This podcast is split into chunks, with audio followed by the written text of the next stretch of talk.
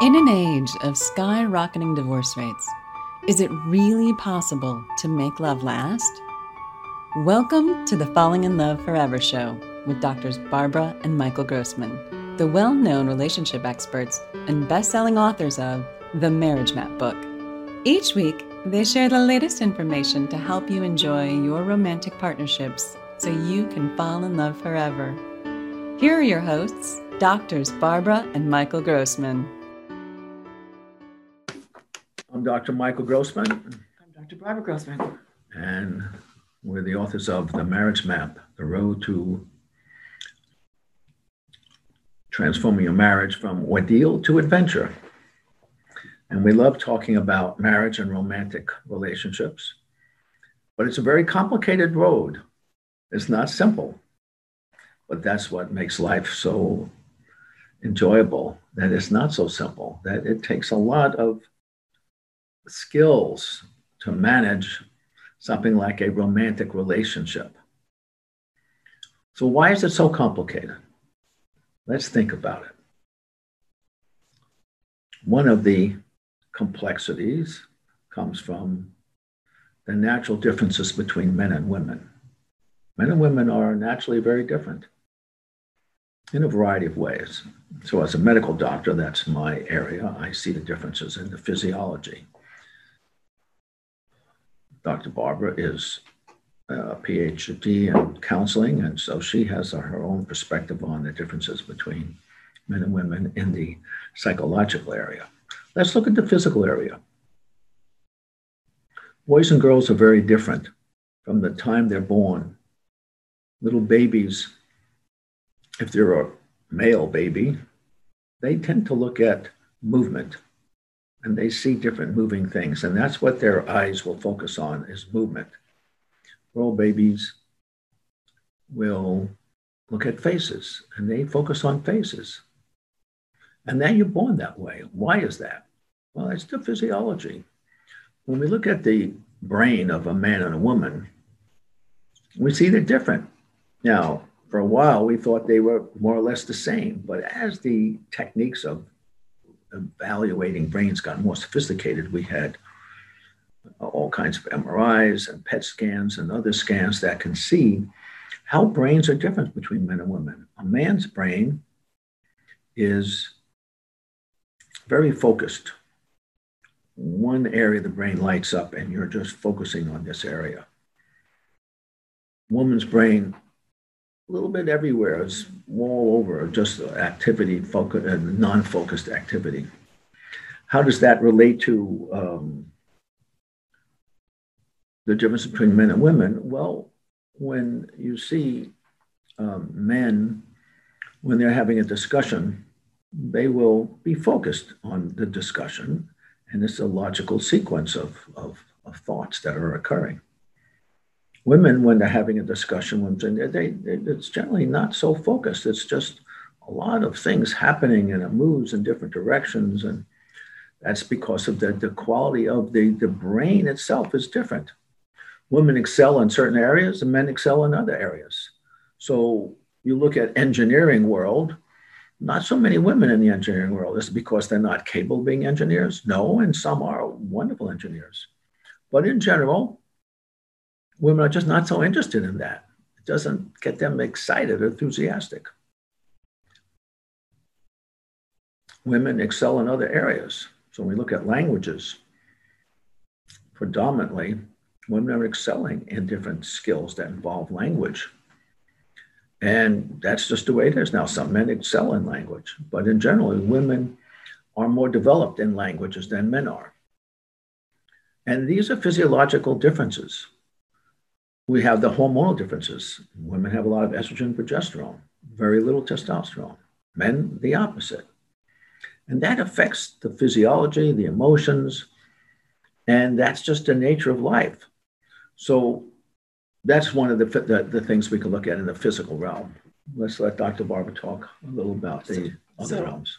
So, in response to what you're saying, I want to say the good news is that both men and women want love and value love and connection they experience connection, their valuing of connection may show up differently. Women like feelings, talk, and uh, eye contact and um, uh, emotional touching, you know, general body touching. Uh, men probably go quicker to sex than women do, and men like appreciation and respect, possibly more than women, but that's just a matter of degree. Um, the good news is that um, a mature man and a mature woman, woman wants um, deep love and partnership. And I'm actually moved as a woman hearing from men just how much love means in their life and how much um, uh, the subtle connection with their woman is important to them. So they don't like their women being angry at them or um, disappointed in them. It's a hardship for a man. But what makes what makes love so difficult? And it's a little bit confounding because it's not that hard for us to get together and make a connection and fall in love. What's hard about um, being in love is that over time, when you commit to love and you have lots of responsibilities that get added to the plate of love, um, you you ha- you need to learn as partners to communicate about what's important to you, what you want, what you don't want. You have a lot of practical problems to solve. Uh, some of the challenges that come that comes to you um, uh, connects to experiences in your younger years, and you have a lot of feelings about this or that that needs to be explored and explained so that what you want from your partner is is understood not as uh, a problem but just as a deep need that you um, you feel in your life that may be so um, uh, unexpected and different from your partner's life but it still needs to be understood and negotiated there's just partnership is a fantastic opportunity to learn how to share oneself and how to understand the differences in life so that you can gradually learn to work together and take on all of the projects and and joys and obligations and responsibilities of adult life. It's just a fabulous adventure. And I encourage partners when they come up to a wall that seems unsolvable to, to know that there is solution and it, it comes in the way of reflecting on self and learning how to talk. And what we can say is that the, the nature of relationship is, of, of romantic relationship, is such that when you think that your partner should be doing this and this, or saying this and this, or feeling this way and that way, it's because that's how you would feel if you were having that experience. It's important to understand that your partner is different than you for many reasons. The first reason is what I described as the physiology that's different. Second reason is that your psychology is different as a, as a, a man or a woman, that you have different needs and, and, and different points of view in life just because you're different. So don't yeah. judge a and partner. you have different life experiences. That's the other issue, is that separate from being a man and a woman, you have different life experiences.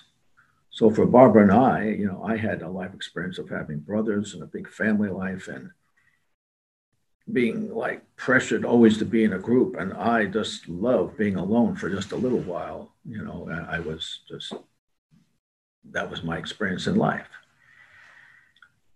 Barbara has an experience that she's an only child. And she um, wants to feel that connection, that deep connection. And if she feels like she's she's uh, being pushed out because as an only child, you you feel pushed out because your parents are, you know, wanting their own private time together. She doesn't like that. She wants to feel that connection. So we so we have these qualities of being different from our life experiences and you have differences from being man and woman so that when your partner seems to be upset about something and you think oh you shouldn't be upset about that got to be a little humble about that. You've got to understand your partner that they're not doing something to just aggravate you. They're doing it because they have their own needs and desires and points of view and vice versa you're doing that too because you have your needs and desires so you have to understand each other so how do you manage the situation how do you deal with the complexities that inevitably arise in romantic relationship? well, you have to learn how to talk. You have to learn how to share without getting upset, without blaming, and begin angry and making all kinds of drama. And it starts with first reflecting on why do I feel so strongly about this, and uh, and it's important to know not just what you don't want, but it's important to know what you do want, so you can make uh, a, um, a request that's that's that makes the situation work for you, and um, that takes some fair a fair amount of connecting the dots and understanding yourself. I mean, if you don't understand yourself, it's hard to um, expect your partner to understand you.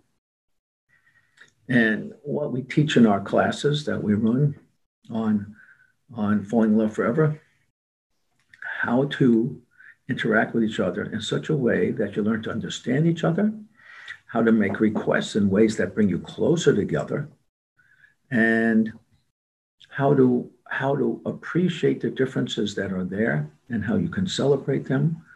And it really creates romantic relationship being passionate, being intimate, being fulfilling. Because you don't want to fall in love with someone exactly like yourself. It's quite boring. It's quite um, flat. You want to fall in love with someone who's very different than you and then you can bring certain things to them to fulfill them and they can bring certain things to you that fulfills you can i say it a little differently yes i think you you do need to have similarities like similar values you need to have some similar interests. You need to have certainly chemistry. So you're looking you know your partner whether you and whether you think it out or not you have differences and similarities. And of course the differences will find you. And it's uh, it's in those situations that you you need these skills. Where you have where you're similar it, it's so effortless. Right. And just to make you feel better if you're totally in agreement about everything all the time there's very little passion there.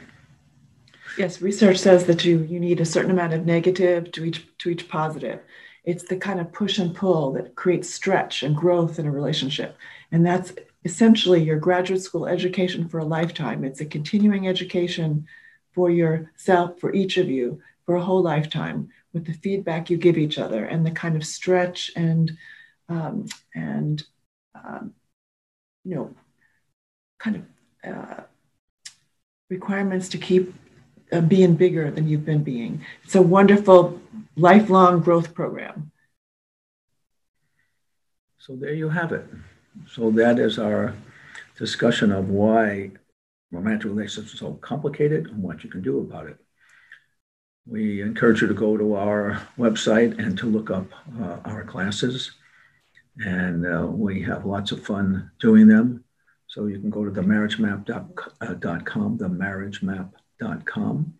And you also can go to our website, um, fallinglovesecrets.com.